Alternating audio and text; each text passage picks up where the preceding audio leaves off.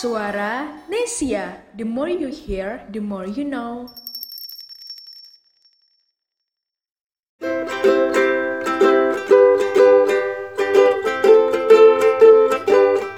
Hai Nation People. Hai, hai, hai, hai. Selamat datang di podcast kita, Krakatau. Cerita, Cerita anak kerantau. anak bersama Nyuk dan Ore.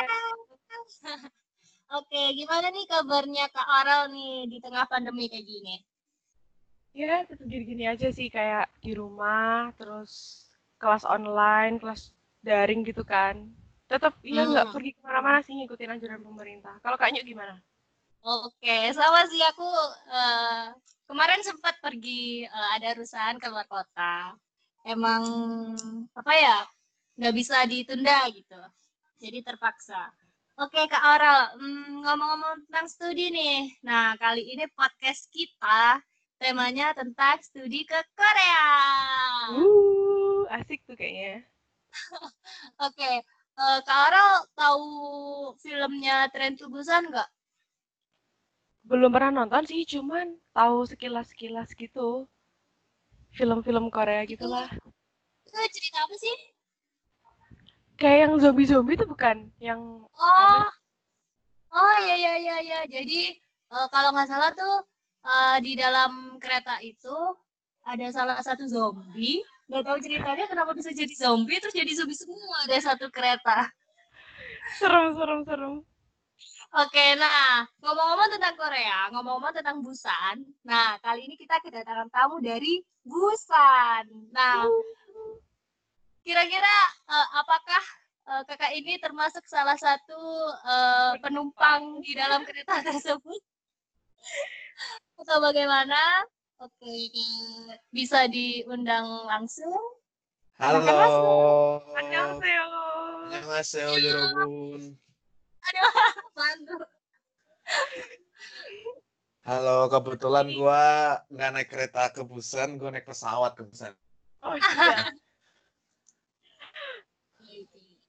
Ngebayangin di Busan tuh kayaknya asik gitu loh. Banyak opa-opa, uni-uni gitu kan. Oh, sudah pasti. Jadi, eh, aku Jo, aku mahasiswa di Busan, mahasiswa Indonesia di Busan. Sekarang masih di Busan, nggak ke- nggak pulang ke Indonesia karena di Indonesia lebih parah daripada di Busan. Iya bener-bener. Eh, ngomong-ngomong Kak Jo ini asal mana nih? Ah, aku asalnya dari Semarang, tapi pindah-pindah terus ya aku S1 dari Jakarta terus ini S2 mau ambil S2 di Korea. Oh, Wih. jadi ini S2 ke Korea. Mm-mm. Oh, keren-keren. Eh, jurusannya apa nih, Kak? Aku mau ngambil advertising di sini. Wih, Oh. periklanan ya? Mm-mm. Benar. Kok bisa sih Kak kuliah sampai di Korea gitu? Kenapa? Kok bisa kepikiran kuliah di Korea dan kenapa memilih Korea sebagai lanjutan S2-nya gitu? Kenapa ya? Sebenarnya sih kalau dibilang pengen ke Korea sih nggak begitu pengen. Sebenarnya aku pengennya tuh S2 di Inggris karena jurusanku tuh bagusnya di sana. Cuman aku ada kepinginan lain selain ambil S2 gitu, aku pengen belajar bahasa, nambah bahasa. Awalnya aku mikir cuma pengen nambah bahasa doang di sini. Terus ngelihat peluangnya, ah sekalian lah udah ambil S2 di sini, nanti S3-nya aja yang di Inggris mungkin. Gitu aja. Ditukar aja sih plannya. Keren, keren, keren, keren. Gitu. Korea. Jadi Jadi alasan kakak ke Korea tuh sebenarnya cuma mau belajar bahasa, tapi ngelihat peluang malah eh, kuliah ke sana gitu ya kak ya? Iya bener banget. Awalnya cuma pengen nambah bahasa doang beneran. Kan kalau Inggris mah udah bisa lah ya. Bisa banget. Nah tinggal pengen nambah satu lagi nih apa selain bahasa eh, Indonesia, bahasa Inggris. Akhirnya milih tuh di Asia kan ada tiga bahasa yang cukup terkenal. Bahasa Cina, eh, bahasa Jepang, sama bahasa Korea gitu. Nah dari tiga dari tiga itu tuh aku ngelihat aku udah pernah belajar bahasa Mandarin tuh bahasa Cina itu eh, cukup melelahkan ya dan susah emang paling susah kan dia kan sangat Iya. melelahkan. dari situ aku, aku mikir kayaknya aku nggak bakal eh, mau buang waktu kelamaan buat belajar bahasa ini gitu loh. Maksudnya aku udah bisa dilihat udah lulus S1 kan kan istilahnya umurnya udah ada gitu, udah mau kepala tiga gitu kan. Ini udah dua kepala dua udah mau dua setengah. Sekarang kalau aku bahasanya kelamaan nanti eh, makin lama juga S2-nya gitu loh, nggak selesai-selesai malah makanya aku mikir ya udahlah ambil yang yang ini aja yang berarti yang bisa aku pelajari cepat. Tinggal dua kan Jepang sama Korea pilihannya. Nah di situ aku milih dari Jepang sama Korea ini dua-dua kedua bahasa ini tuh deket sama aku. Dari bahasa Jepang aku suka nonton kartun kan dulu kan bangsanya Naruto lah dan lain-lain. hmm, aku su aku emang aku emang suka ngikutin gitu kan. Tapi Ya. eh eh, Korea pun aku juga suka karena aku suka lagu-lagu Korea tuh udah dari lama gitu. Walaupun aku dulu emang suka lagunya doang tanpa tahu ini tuh orangnya bentukannya kayak gimana yang kayak gimana yang nyanyi tuh aku nggak tahu gitu. Jadi aku bener-bener cuma suka lagunya. Itu tuh aku suka. Cuman dari dua ini aku pilih kan aku timbang-timbang lagi aku eh, pikirin lagi aku lihat perkembangan negaranya yang cepat yang mana. Dan ternyata jatuh ke Korea. Makanya aku milih bahasa Korea untuk tahap studiku lanjut Keren. gitu Berarti ini ya apa keluar dari zona nyaman nih, ya nggak sih? oh iya pas pasti kalau itu mah Nah ngomong-ngomong soal zona nyaman nih, gimana Hmm. sih cara meyakinkan kita, meyakinkan orang tua kita biar kan ada nih gitu orang tua yang Hmm.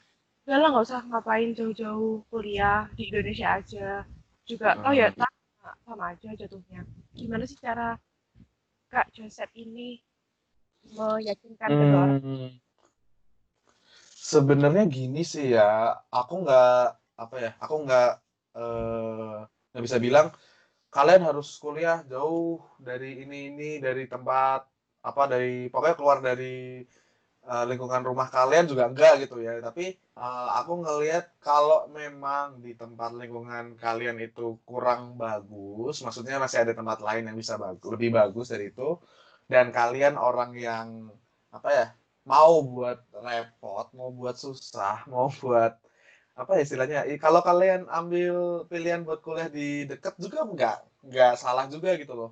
Tapi kalau kalian mau ambil yang jauh pun juga nggak salah dalam artian itu balik lagi ke kalian. Cuman yang mau aku yakinin adalah eh, kalian nggak bisa yakinin orang tua kalian kalau kalian sendiri nggak yakin sama pilihan kalian. Makanya mau kuliah di mana pun jurusan apa pun kalau kalian belum yakin menurutku sih yakinin diri dulu kalian nanti baru habis itu ngomong ke orang tua gitu Oke, jadi eh, tips buat eh, biar bisa keluar dari zona nyaman tuh yakinin diri dulu gitu ya kak ya. Diri bener bener bener kadang tuh ka- kadang tuh kita nggak tahu kita tuh bener-bener pengen ke sana itu Hmm. apa cuman pengen iri ngelihat orang lain Hmm. bisa ke sana atau emang bener-bener kita punya desire kita punya keinginan buat oh aku pengen ke sana buat belajar gitu itu yang kadang-kadang orang nggak bisa tujuan. bedain Hmm, tujuannya tuh harus jelas dulu Hmm. gitu. Eh, kakak ini kan udah ke Korea dari Semarang ke Korea. Habis Hmm. itu eh, dulu S1-nya di mana kak? Di di Serpong di Jakarta UMN Universitas Multimedia Nusantara Oh, jadi kakak dari eh, dari dulu-dulu tuh emang udah merantau ya? Maksudnya di Korea ini belum pertama kali merantau gitu ya? ya aku udah istilahnya kalau dihitung udah ini yang ke Korea tuh yang ketiga kali aku SMA udah keluar dari Semarang sih Oh, SMA udah keluar dari Semarang. hmm, aku SMA di asrama tiga tahun di Muntilan Oh, Muntilan oke tuh oke. deket Jogja sana itu Eh, ini kak eh, ngomong-ngomong tentang bahasa Korea. Hmm. Nah, kakak tuh ada tips and tricks buat belajar bahasa Korea nggak sih? Oke, kalau bahas bahasa Korea tips and triknya Heeh. Yang pertama sih mungkin kalau bener-bener buta kayak aku, aku waktu datang ke Korea aku bener-bener nggak bisa bahasa Korea, baca pun Hmm. nggak bisa, nulis pun nggak Hmm. bisa.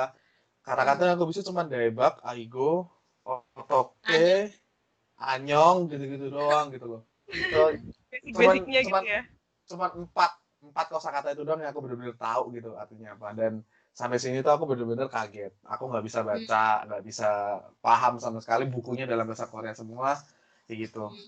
terus di situ aku mulai belajar cara belajar yang enak buat belajar bahasa Korea yaitu mungkin kalau kalian bener-bener eh, teman-teman ini pengen belajar bahasa Korea dari awal itu mulai sering-sering dulu konsumsi entah itu lagu atau dramanya atau filmnya konsumsi aja dulu. Di situ eh, atau bahkan yang paling enak sih sebenarnya belajar dari vlog ya. Vlognya kayak vlog Ayu vlog vlognya Itzy itu kan mereka kadang ada subtitlenya subtitle Hmm. tulisan Hangulnya itu. Nah tulisan. Hangulnya itu ditulis aja ditulis ulang terus dicari artinya gitu. Di situ sih cepat banget belajarnya kalau pakai itu. Hmm. Nah, jadi pelan pelan pelan tuh eh, bakal bisa terus bakal paham. Oh ini tuh ngomongin ini. Oh kalau ini tuh ngomongin ini. Oh ini kenapa dia ketawa gitu. Gitu gitu tuh bisa tahu nanti karena kita ngeliat langsung dari praktek kehidupan nyatanya tuh gimana gitu. Terus Jadi sama belajarnya otodidak jadi belajarnya nggak harus pakai buku gitu ya kak ya? sebenarnya nggak harus nggak harus. Belajar sendiri pun bisa. Banyak teman-temanku eh, setelah aku ke sini kan aku sharing juga ke teman-temanku yang pengen belajar bahasa itu. Di sini mah sebenarnya yang bikin cepat belajar bahasa karena ada buku dan ada orang orang Korea langsung. Makanya bisa dipraktekkan. Nah mungkin yang Oh bikin iya. belajar bahasa itu lama adalah nggak ada teman prakteknya gitu loh. Oh ada orang aslinya juga gitu kan ya. hmm, Ada lawan bicara juga. Kalau kan udah merantau nih ya dari SMA Hmm. nih ya. Pasti kita ngalamin yang namanya perbedaan budaya. Kayak culture shock. Ah, ya Apa culture shock culture shock terbesar atau terunik atau yang ter berkesan banget nih Terkesan. Kak Joseph di Korea Iya, di Korea. Oke, kalau ngomongin culture shock di Korea tentu kita sebagai orang Indonesia tuh kagetnya adalah budaya cepat. Mereka tuh apa-apa cepat. Kita di Indonesia kan kebiasaan lama tuh. Apa-apa lama, Nanti dulu deh. orang gitu. pada males gitu-gitu. Ngantar lah gitu-gitu. Di sini tuh nggak bisa kayak gitu. Orang-orang bener-bener tek tek tek cepat semua gitu. Jadi eh, mungkin agak kaget ya kok. Aduh, kayak capek banget kayak gitu. Tapi lama-kelamaan dijalani juga asik-asik aja gitu loh. Gitu. Sama ini paling sih selain selain budaya cepatnya adalah budaya di sini yang bikin culture shock adalah budaya amannya. Nggak tahu sih. Kalau mungkin yang yang bikin aku culture shock nanti ketika balik ke Indonesia ya di sini tuh yang bikin aku aman adalah aku main HP pinggir jalan pun nggak bakal HP disambut orang gitu gitu terus barang ketinggalan itu kamera atau apa aku ketinggalan di jalan pun masih ada di situ Kebi- kebiasaannya gitu nggak ada yang berani ngambil gitu loh Hmm. se sa- itu kali ya. Mm-mm, seaman itu karena mereka mikir karena itu bukan barangku, bukan hakku ya aku nggak ambil gitu loh. Gitu. Hmm. Oh, enak Bagus juga ya. Itu sih mungkin nanti kalau balik Indo mungkin itu yang bikin shock. Maksudnya harus lebih hati-hati banget kan Iya. karena di sini kebiasaan santai banget di kereta main HP gitu-gitu. Ntar Iya. eh, di pas balik kereta main HP tahu-tahu hilang. Iya iya Iya. iya iya. Hmm. Bahaya sih. Hmm. Kalau makanan-makanan gitu pasti kurang lebih ada kayak Ma- ma- pengalaman berbeda. Makanan sih kalau ngomongin makanan Korea lebih ya boleh diakuin lah ya teman-teman semua pasti juga tahu kan kalau makanan Indonesia itu rasanya paling mantap atau kenapa dan Punya micinnya pas kali ya. hmm, kita banyak mixnya itu emang bener-bener luar biasa dan di Korea nih buset makanan tuh kebanyakan hambar jadi eh, susah cari yang Enak. ya yang enak. Tapi lama kelamaan juga terbiasa gitu. Dan kata teman-temanku yang udah pernah pulang sih setelah di Korea lama pulang ke Indonesia itu makanan nanti kita makan makanan ini bakal kerasa aneh lidah kita karena di sini tuh garamnya tuh nggak ada micinnya sama sekali. Jadi garam ya pure garam. Dan se apa ya sesehat itu gitu loh. Makanya beda banget. Nanti pas pulang ke Indo tuh rasanya pasti lidahnya beda gitu. Itu sih sama beberapa masakan Korea tuh ada yang masuk ke lidah kita kayak bokembap itu yang nasi gorengnya itu itu masuk ke lidah Indonesia terus eh, sudah pasti ayam gorengnya Korea itu pasti masuk ke ke lidah kita karena kita suka makan ayam goreng kan Gitu. Hmm. Terus apa lagi ya makanan yang masuk ke ini nih nih apa namanya topoki itu beberapa masuk Topoki. karena pedes kan dia kan orang Indonesia kan kuat makan yang pedes-pedes gitu mah biasanya kan kan topoki di Indonesia juga kayak udah beredar gitu kan ya Hmm, dan topoknya di Indo. Tapi aku nggak, aku selama ini sih selama di Indonesia, bener-bener aku nggak pernah coba makanan Korea di Indonesia. Jadi karena teman-temanku pun yang udah pernah pulang coba makanan di Indo itu rasanya jauh beda gitu loh. Mungkin karena bumbu-bumbunya nggak bisa didapatin langsung gitu di sini. iya Di- Gitu. terus kebayangin kayak enak banget gitu ya di Korea itu pemandangannya tuh opa-opa uni-uni gitu kan mulus-mulus atau atau itu Malaysia nggak sih Oh iya. Kan opa sama tuh. terserah terserah Nah, ngomongin Opa sama Uni nih, eh, kalau kita nonton misalnya drama Korea, terus Hmm. film-film Korea itu kan pasti orang-orangnya tuh kayak ganteng-ganteng, cantik-cantik gitu kan. Nah, Hmm. sebenarnya orang-orang sana itu apa emang ganteng-ganteng, cantik-cantik, apa cuma di depan kamera aja, apa kayak gimana gitu, Kak? Apa ada yang burik gitu? eh aku nggak tahu ya seburik buriknya orang sini tuh masih bersih gitu loh. Aku aku sih mikirnya gitu ya. Soalnya aku juga awal mikir wah di drama ini cakep gini-gini tapi kehidupannya nyata pun yang apa ya yang cakep ada yang cakep ada terus yang paling ku notice perbedaannya adalah di drama mungkin kita sering ngeliat kan artis yang apa yang nggak gitu tinggi gitu kan. Tinggi badannya biasa aja gitu. Tapi di kehidupan nyatanya faktanya tuh artis-artis ini tuh pada tinggi eh artis-artis orang-orang sini tuh pada tinggi-tinggi gitu loh. Aku kaget bahkan ceweknya tuh tinggi-tinggi gitu. Makanya wah ini kalau di drama mah kayaknya pendek-pendek tapi di sini tinggi-tinggi gitu. Terus sih mungkin perbedaan yang benar-benar kerasa. Dan rata-rata nggak tahu sih. Aku nggak tahu pasti karena nggak pernah bener-bener eh ngelihat mereka tanpa make up gitu loh. Rata-rata mereka keluar pakai make up. Jadi kita nggak tahu gitu aslinya gimana. Kurang lebih hampir sama kayak di Cina sih ya. Maksudnya mereka keluar kalau ke kampus gitu hmm. mereka kayak masih pakai eyeshadow yang warnanya Hmm. eh, apa nih ya Hmm, tapi masuk akal sih. Iya. Masuk akal sih menurutku karena kulit mereka kan pucat kan. Kulit orang orang sini, orang Cina, orang Jepang, orang Korea kan kulitnya pucat, emang warnanya pucat. Hmm. Makanya mereka pakai make up biar ada ada warnanya gitu loh. Gitu dan itu sebenarnya. kalau misalnya kita kita nih ya mau nyobain stylenya mereka Nggak kadang masuk. Gak, iya gak masuk banget padahal Iya. jadi mereka tuh eh, keren banget sumpah padahal di kitanya kayak tambah alay kampungan gitu loh Iya, benar benar. Parah sih. Ya, soalnya dari perbedaan warna kulit sih, karena mereka emang kalau nanti ke Korea tuh walaupun musim panas gitu-gitu, aku kaget sih mereka tuh nggak ada yang hitam gitu loh, nggak ada yang gosong. Segosong-gosongnya mereka mah masih putih. masih ada Makanya- sunburn merah-merah gitu kan gak sampai yang hitam Malah merah pun jarang aku lihat karena mereka Kayaknya apa pakai sun apa namanya sunblock lah, pakai apa lah. Jadi apa ya ngeliatnya tuh kaget gitu loh mereka bisa keluar panas-panas cuman apa celana pendek, kaos biasa tapi nggak gosong itu emang karena perbedaan kulit sih. Jadi ya pasti treatmentnya beda kan. Iya. Iya. Mm. di Nah, ngomong-ngomong iya lanjut yuk Oke. Ngomong-ngomong soal ini, Kak, apa Hmm. ngomong-ngomong tentang musim nih. Mm. Eh, pas nyampe Korea tuh sempet kaget gak sih? Kan di sana empat musim nih, ada Hmm. salju, semi, eh, panas sama gugur. Nah itu Hmm. sempet kaget gak sih? Kayak kalau panas panas banget, kalau dingin dingin banget gitu. Hmm, karena oh kaget. Pernah sempat kaget sih, cuman aku orangnya tipenya lebih suka kedinginan daripada kepanasan. Jadi pas nyampe sini kan aku musim gugur. Itu aku seneng banget karena udah suhunya itu mulai 20, 19 tuh aku suka gitu kan. Udah nggak panas gitu. Biasanya di Indo 36, 33, paling kecil 30. Kayak gitu. Pas nyampe ke sini seneng makanya nggak panas. Terus pas winter, akhirnya aku ngerasain winter pertama kali sih, aku seneng-seneng aja sih. Have fun banget. Aku yang nggak suka malah summernya. Summer di sini tuh anginnya kering. Nggak kayak di Indo, panas di panas di Indo tuh masih ada angin gitu. Di situ ya udah panas gitu doang, nggak ada apa-apa, panas tok gitu. Dan itu sangat-sangat menyebalkan gitu loh.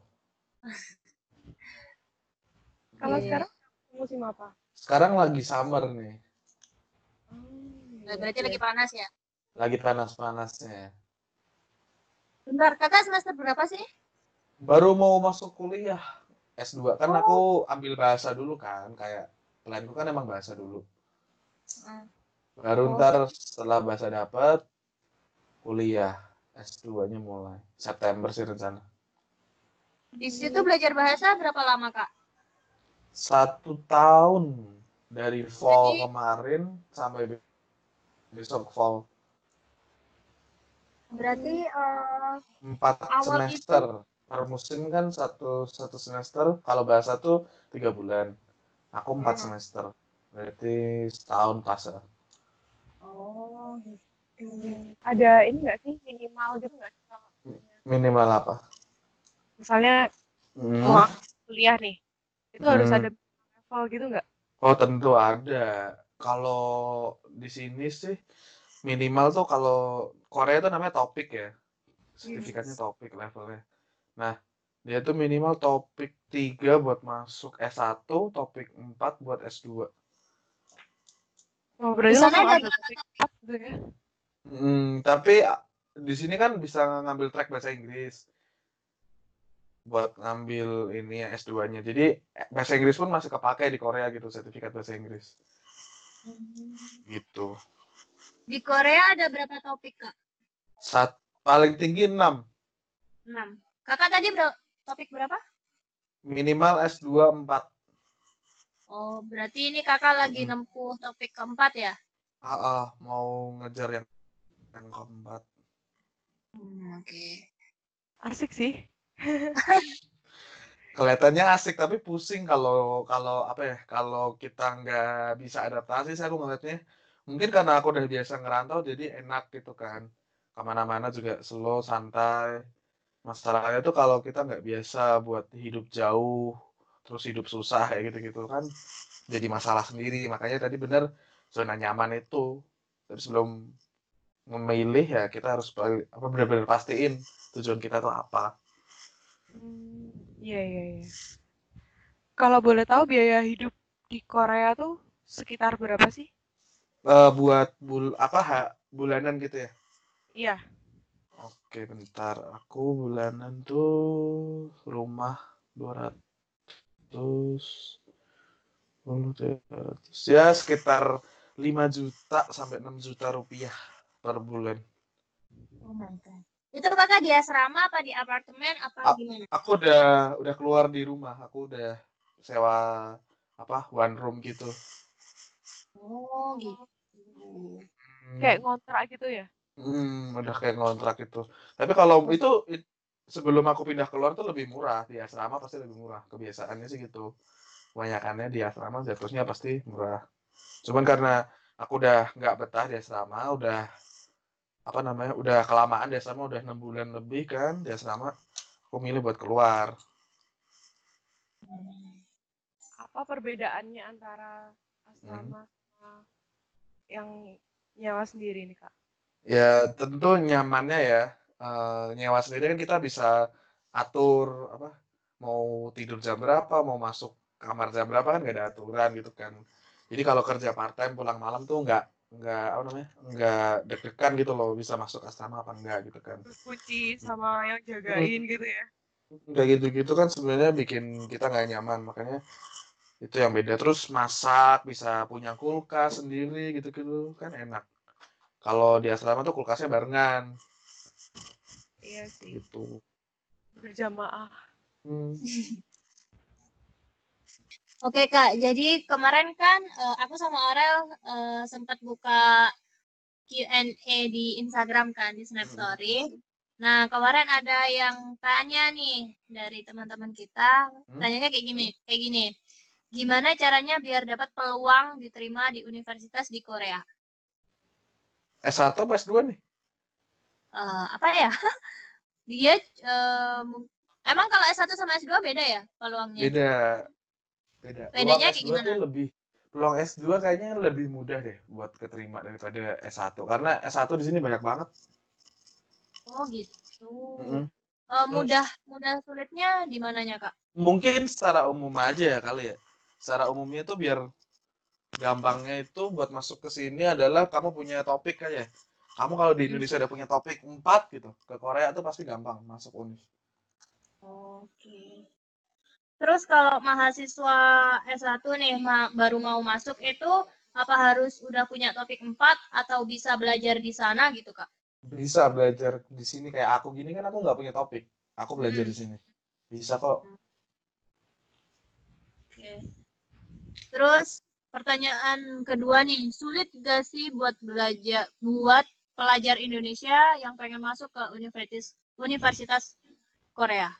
Sulit nggak, Kak? Sulit kalau kamu daftarnya universitas-universitas ternama kayak Seoul University, Yonsei University, Sogang University yang di Seoul itu mereka itu emang universitas-universitas topnya Korea dan itu susah. Bahkan orang Korea pun masuk situ susah gitu loh. Oh gitu. Tergantung univnya lah. Mm, Balik lagi. Univ apa yang kamu daftarin? Kalau univnya PTN sih biasanya emang susah. Hmm. Kalau kakak ini univ apa kak? Aku daftar swasta. Aku daftar swastanya di Busan. Dia Hmm, masuk top 5 sih kebetulan. Wih, keren keren. Iya, Terus hoki aja sih kayaknya. tapi kenyataan nih. Terus eh, ada pertanyaan lagi apa nih Rel? Pertanyaan selanjutnya Rel dari teman-teman Rel. Pertanyaan selanjutnya. Ini ada yang nanya nih. Dari terlihat bullying kerap terjadi di Korea, apakah itu Mhm. terjadi pula dengan pelajar Indonesia yang di Korea? Bullying gimana maksudnya nih?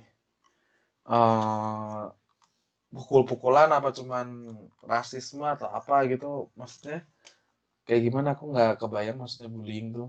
Yang Mungkin pas kayak Yang sering ras terjadi di Korea. ya yang verbal gitu, kayak eh Lah, enggak sih, aku sejauh mataku melihat di sini, aku nggak nggak pernah ngeliat kayak gitu. Itu kayak cuma di drama deh bullying-bullying gitu tuh model-model yang anak orang kaya gitu itu tuh. Hmm. Ini cuma di drama. Di sini tuh eh, kerasa perbedaannya adalah pergaulannya. Emang kalau anak-anak orang kaya, bahkan dosen pun yang kaya kan tuh mereka naik mobil, punya mobil masing-masing gitu loh. Ya mereka ya beda cara bergaulnya sama orang-orang yang eh, naik kereta gitu-gitu. Terus transportasi umum beda kok. Cuman kelihatan beda doang gitu, tapi nggak ada bullying secara verbal yang sampai apaan sih lo gitu-gitu tuh nggak ada itu cuma di drama kayak. Oke. Jadi sebenarnya nggak ada ya teman-teman kayak bullying eh, ke mahasiswa Indonesia itu sebenarnya nggak ada ya sejauh ini tuh nggak ada gitu ya kak ya. Nggak ada kok kalau bullying gitu-gitu. malah ini ya, aku mereka tambah respect ya, karena kan kita orang orang luar. Ini mereka kayak ya orang asing kan di mana mereka jadi Hmm. kayak menghargai atau tambah kepo-kepo Indonesia kayak gimana sih? Ya, mereka respect kalau apa kita tuh bisa bahasa mereka gitu, bisa bahasa Korea, bisa ngobrol sama mereka, ngomong bahasa sopan. Mereka tuh bisa, wah, kamu orang asing tapi kamu lebih sopan dari orang Korea gitu loh istilahnya. Mereka Hmm. bisa segitunya gitu loh. Jadi pasti pasti bangga lah ya yang punya bahasa di sama orang luar Hmm. gitu. Pasti. Kalau orang Korea tuh bahasa Inggrisnya jago-jago nggak sih kak rata-rata? Nah, ini juga fakta yang unik nih. Orang Korea tuh secara teoritis mereka tuh bagus loh. Mereka udah belajar bahasa Inggris kayak kita di Indonesia gitu. Cuman dalam pengaplikasiannya mereka tuh jarang dipraktekin. Jadi cuman bener-bener buat tes doang dan ya sekedar lewat doang, set set set set gitu loh. Buat praktek ngomongnya mereka tuh nggak pede ngomong pakai bahasa Inggris. Jadi kebanyakan mereka nggak bisa bahasa Inggris. Oh, berarti hampir sama ya kayak Cina ya? Iya Hmm. sih. Mereka juga nggak terlalu jago. Iya yang kayak ujian-ujian doang gitu kan. Formalitas untuk akademi. Hmm, bener-bener buat ujian doang makanya aku juga kaget di sini tuh ternyata seenggak bisa itu bahasa Inggris gitu loh paling ujung-ujungnya Konglish jadi bahasa Inggris yang dipakein aksen Korea Kayak gitu Oh, kayak kayak gimana nih kak? Contohin dong. contohnya tuh kalau HP kita ngomong Ah. HP kan hand handphone Ah, kalau mereka tuh ke bahasa Konglish itu Udepun Di Devon. Kayak gitu jadi Konglish Konglish itu Lucu ya? Iya, juga. kayak mikir dua kali gitu loh jadinya. Nih kalau ini contohnya nih, kita ngomong ba- apa sih namanya? Tenda. Tenda bahasa Inggrisnya kan tent. Tent. Iya. Bahasa Koreanya tente. Tente. Itu Konglis. Tente. Jadi emang mereka nggak bisa baca huruf mati gitu, makanya dihidupin semua hurufnya. Hmm, iya iya iya iya. Hmm, Jadi kayak misalnya kayak misalnya namaku nih Yuk nggak bisa ya jadi Yuka gitu kan sih? Iya, iya, iya. Nyuke. Nanti namanya ada ke-nya. Kalau Aurel, Aurele. Au Apa, Aurel? a- Aurele. Bisa Aurele. Aurele. Lucu ya. Pantesan kalau kayak apa ya denger denger di Korea. Korea itu kan pasti belakangnya gimana ya nggak bisa niruin. Kamsahamnida hmm. apa sih? Ya. Yeah. Ya, yang belakangnya mungkin harus kebanyakan iya belakangnya hurufnya hidup gitu loh. Iya iya iya. Coba dong kak kenalan pakai bahasa Korea gitu. Annyeonghaseyo Indonesia un Joseph Lagu Heo Mangkap Semida Yerobun Chelsea Neo. Udah itu. Kamsahamnida. Kamsahamnida itu apa sih? Kams Kamsa sanida itu makasih. Kamsahamnida. Oh. Oke oke, okay. Terus Uh, kakak punya punya nama Korea nggak sih? Kalau nama Korea di sini namaku kan Joseph. Di Korea itu jadi Joseph. Oh gitu, Josepe. Tapi aku emang biasa panggilnya kan Jojo atau Jo doang. Jadi aku ini apa bikin sendiri aja namaku Jojo gitu. Teman-temanku juga karena mungkin Joseph kepanjangan aku bilang udah panggil aja Jojo gitu. Jadi aku bisa ngomongin, bisa manggil gini nih. Opa Jojo. Jojo Opa kebalik. Jojo Opa gitu. Jadi Jojo gelar gelar tuh di belakang mereka. Oh, oke oke. ini juga gelarnya di belakang Iya sama-sama. Lucu juga. asik ya Terus eh, ada pertanyaan lagi nggak Rel dari teman-teman? kalau aku sih udah itu aja sih karena yang lain itu kayak ini sih apa lucu-lucuan gitu loh pernah nggak pernah ke hutan bambunya Raja Ligon nggak Oh itu itu hutan bambunya tuh deket deket tempatku sekarang cuman beda paling 20 menit aku nyampe situ. Itu apa sih tempat wisata? Apa kayak gimana kak? Ya itu tempat hutan bambu wisata, hutan bambu asli gitu loh. Hmm, jadi banyak bambunya gitu ya di Jawa mah banyak. banyak bambu, iya. Sebenarnya sih kalau dilihat sih biasa aja. Itu emang karena sinematografi filmnya tuh bagus gitu loh. Makanya kelihatan bagus banget sana. Hmm. Terus pas kakak di Korea nih eh, sering nonton kayak konsernya opa-opa nggak sih? Ah, kebetulan tuh biasanya konser gitu tuh pas summer banyak ya. Hmm. Cuma kemarin aku pas fall tuh cuma dapet ya eh, penyanyi-penyanyi yang belum begitu terkenal. Yang masih kayak istilahnya eh, penyanyi baladnya Korea lah. Eh, belum begitu, bukan K-pop banget lah. Kalau biasanya tuh kalau summer gini tuh banyak festival di univ-univ gitu. Masalahnya kan corona, jadi nggak nggak sempet aku datang kayak gitu, belum sempet ngerasain festival-festival kayak gitu. Cuman pernah sekali doang sih itu festival di kampus juga, tapi bukan K-pop Hmm. banget gitu. Penyanyi biasa. kayak Oh, iya. pas yang indie-indinya gitu kali ya Iya, istilahnya kayak indie-indinya Korea sih, tapi nggak indie-indie banget mereka karena mereka ma- masuk label juga gitu. Oh iya, kan musim corona gini, nah kuliah kakak itu kayak mana? Masih lanjut daring Hmm. apa gimana? Online-nya sih secara daring udah selesai dari zaman kapan ya kita nah, udah mulai Busan tuh istilahnya lebih aman lah dari Seoul sekarang makanya eh, pemerintah bagian Busan ini berani buat ngelakuin kuliah secara umum gitu loh dan anak-anak juga udah ke sekolah secara normal gitu walaupun pakai masker dan lain-lain gitu jadi sekarang ini udah normal udah tatap muka Berarti sekarang kakak udah pergi ke kampus ya?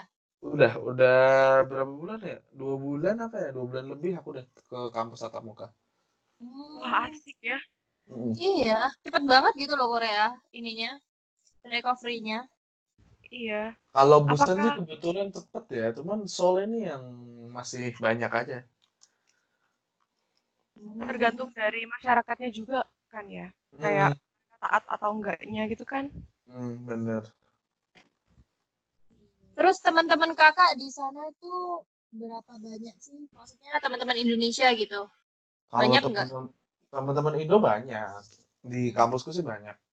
Hmm. Tapi eh biasa orang Korea, mahasiswa apa di Korea tuh banyak kan kita part time gitu. Jadi jarang juga ngumpul sama mereka gitu. Karena pada part time. Hmm, boleh ya part time. Di sini boleh part time. Ilegal nggak atau Legal, emang emang emang ada jatah jamnya gitu. Berapa berarti jam. dari pemerintah Koreanya eh, apa mahasiswa internasional gitu boleh part time gitu ya? Ya emang emang boleh. Asik ya. Loh di di Cina emang dia nggak boleh. Nggak boleh. Yang mahasiswa asing nggak boleh. Ya. Kalau menurut pengalamanku, aku kan pernah nih nyoba diem-diem kerja nih. Jadi kan aku emang kayak ada terikat sama beasiswa kan. Jadi salah satu ancamannya kalau misalnya aku ketahuan kerja, itu Hmm. ntar aku dicabut Hmm. gitu. Jadi aku pernah nyoba kan waktu winter kemarin sebelum corona datang menghancurkan segalanya ini, itu aku nyoba kerja gitu kan. Jadi pelayan di restoran Hmm. jadi aku temen ini kayak bener-bener em, isinya kayak khawatir gitu loh takut ketahuan sama Hmm. dosen atau petinggi-petingginya kampus gitu. itu waktu kemarin like, Hmm. orang tua guru di kampus tuh gini kamu orang luar ya anakku ngajar di kampusmu loh namanya guru ini aku langsung didikan udah langsung mutusin udahlah besok aku ini apa keluar dari kerjaan ini daripada kerja isinya kan takut nih Hmm. Berarti di Korea bisa ya? Hmm. Di Korea sih eh, mahasiswa sambil kerja sih bukan rahasia lagi emang emang pada gitu. Soalnya kalau nggak kerja gini, aku nutupin ini juga susah gitu nutupin bayar kebutuhan dan lain-lain. Ke- Kebetulan sih dari kerja ini saya bisa buat bayar kehidupan sehari-hari gitu. Terus kakak di sana terikat sama beasiswa nggak sih? Maksudnya dapat beasiswa nggak gitu? Kalau beasiswa di sini eh, biasanya beasiswa kan kebagi kalau di Korea itu ada tiga beasiswa dari pemerintah Korea KGSP, terus yang kedua Hmm. beasiswa dari UNIF, terus yang terakhir beasiswa dari instansi tertentu kayak misalnya eh, di kampusku tuh eh, dia ngasih beasiswa buat orang asing gitu loh. Syaratnya Hmm. cuman orang asing doang dapat gitu. Dengan- Oh, gitu. Cuma-cuma gitu. Mm. Dan dia tuh model bisnisnya bukan uang gitu, tapi potongan. Potongan harga doang. Oh, iya iya. Jadi di sini tuh jarang ada yang benar-benar beasiswa benar-benar uang kecuali kalau kita tuh masuk beasiswa yang sama profesor itu. Nanti eh, biasanya itu ikut di staff lab-nya dia, staff pro lab profesor itu. Nanti kamu dikasih uang saku sama tempat tinggal. Sampai lulus udah aman udah kalau itu mah nggak usah part time juga udah ketutup uangnya karena dapat uang saku gitu. Gitu. Sebuah tantangan sih biar dapetin beasiswa yang dari profesor gitu. Iya, tapi kebanyakan sih kalau yang kulihat di sini beasiswa profesor tuh kalau kita emang basicnya kita major IPA, science itu gampang bisa profesor. Tapi kalau eh, IPS di Korea tuh emang kurang apa ya, kurang wangi istilahnya gitu loh. Hampir sama kayak Indonesia ya, masih ada pembedaan IPA, IPS. Hmm, di Korea kan emang fokusnya IT banyak, IT, big data gitu-gitu. Makanya profesornya pun banyak kan ya yang ngasih beasiswa ya yang buat IT, science gitu-gitu. Bayangin indah banget gitu di Korea. Iya. Bayangin kali kamu udah di Korea. Ntar lah, kapan-kapan liburan Korea kan enak. Eh, terus kak, eh, satu lagi nih, kakak waktu belajar Apa? kan sekarang masih belajar bahasa nih. Mm-mm. Nah, itu satu kelas itu full orang Indonesia apa Nah. campur-campur sama negara lain? Campur, campur. Campur ya. Aku, aku kalau buat kelas bahasa tuh orang Indonesia cuman apa ya paling delapan doang. Satu, satu, satu, satu kelas bahasa tuh 11 kan. Nah, biasanya tuh 8 orang itu pun tersebar gitu loh levelnya macam-macam kan. Aku biasanya sih sekelas sendiri. Cuman tahun ini doang aku, eh tahun ini. Semester ini doang aku dapat teman orang Indonesia satu di kelas. Biasanya sih sendiri emang. Terus kata pengantarnya bahasa Inggris ya kak ya? Gak bahasa Korea lah. Kata pengantar di sini, terus buku bahasa Korea semua. Gak ada bahasa Inggrisnya.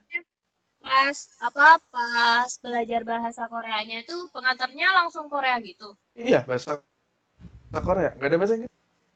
Kalau misalnya benar-benar nol nggak tahu bahasa Korea, kayak gimana? Ya pakai bahasa ini bahasa apa ya? Bahasa tubuh. Oh gitu. Kukira pakai bahasa Inggris pengantarnya. Apa ya? Bis gini, bahasa Inggrisnya ada, tapi ini cuman buat apa ya? Translatean dikit gitu loh. Cuman ini tuh artinya apa? Ini artinya apa? Gitu doang, bukan yang kayak pengantar apa gurunya ngomongnya ya dalam bahasa Korea semua, nggak ada pakai bahasa Inggris. Oh. Ini juga ya, sulit juga ya berarti. Ya makanya tadi kan kalau teman-teman yang pada mau masuk ke sini tuh paling nggak udah punya basicnya bisa bahasa bisa baca Hangul aja udah bagus banget gitu loh enak buat ke sininya Hmm. Kakak waktu pertama kali ke sana udah ada basic. nggak ada. Apa kan cuma aku empat tadi?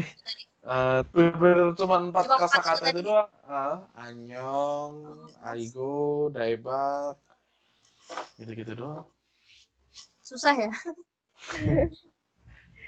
bisa. Kok orang Indo mah bisa buat belajar bahasa. Aku ngeliat orang Indo biasanya cepat belajar bahasa tuh. Iya benar-benar. Cepet nyantolnya gitu loh. Tadi kan sempat singgung tentang teman-teman Indonesia nih di tempat Kak. Nah itu ada nggak sih kayak eh, perkumpulan atau komunitas orang Indonesia di sana? ada ada kayak sejenis PPI gitu Oh masih masih maksudnya masih banyak yang bergabung gitu ya? ada masih ada kok Ngadain event-event gitu juga nggak? eh ngadain biasanya kita eventnya tuh eh, kayak kemarin lebaran bareng gitu-gitu cuman kan itu semua ke cancel gara-gara corona jadi ya eventnya belum begitu jalan sih Oh. Oke kak, Eh, mungkin kita sekarang udah di penghujung acara. Iya penghujung nggak tuh? Udah udah studi tour rasanya kayak Hmm. Korea dulu gitu. Udah udah keliling Korea nih udah rasanya. Nah kak, yang terakhir nih eh, kata-kata pamung- pa- kata-kata pamungkas dari kakak buat kita kita yang eh, memiliki keinginan untuk pergi ke Korea untuk studi, tapi memiliki eh, mungkin keterbatasan bahasa bahasa, keterbatasan biaya, eh, kemudian nggak pede itu kata-kata dari kakak apa sih gitu buat memotivasi kita semua. Hmm, kalau keterbatasan biaya aku nggak bisa bantu ya karena itu kan emang harus usaha kan dari kitanya. Ivan, aku pun di sini berangkat aku jual-jual barang-barangku gitu buat uang saku, buat bantu-bantu awal-awal karena emang biaya itu awalnya emang kerasa banyak gitu tapi yang aku ambilnya sih di Korea aku bisa kerja dan itu bisa nutup buat aku sendiri gitu.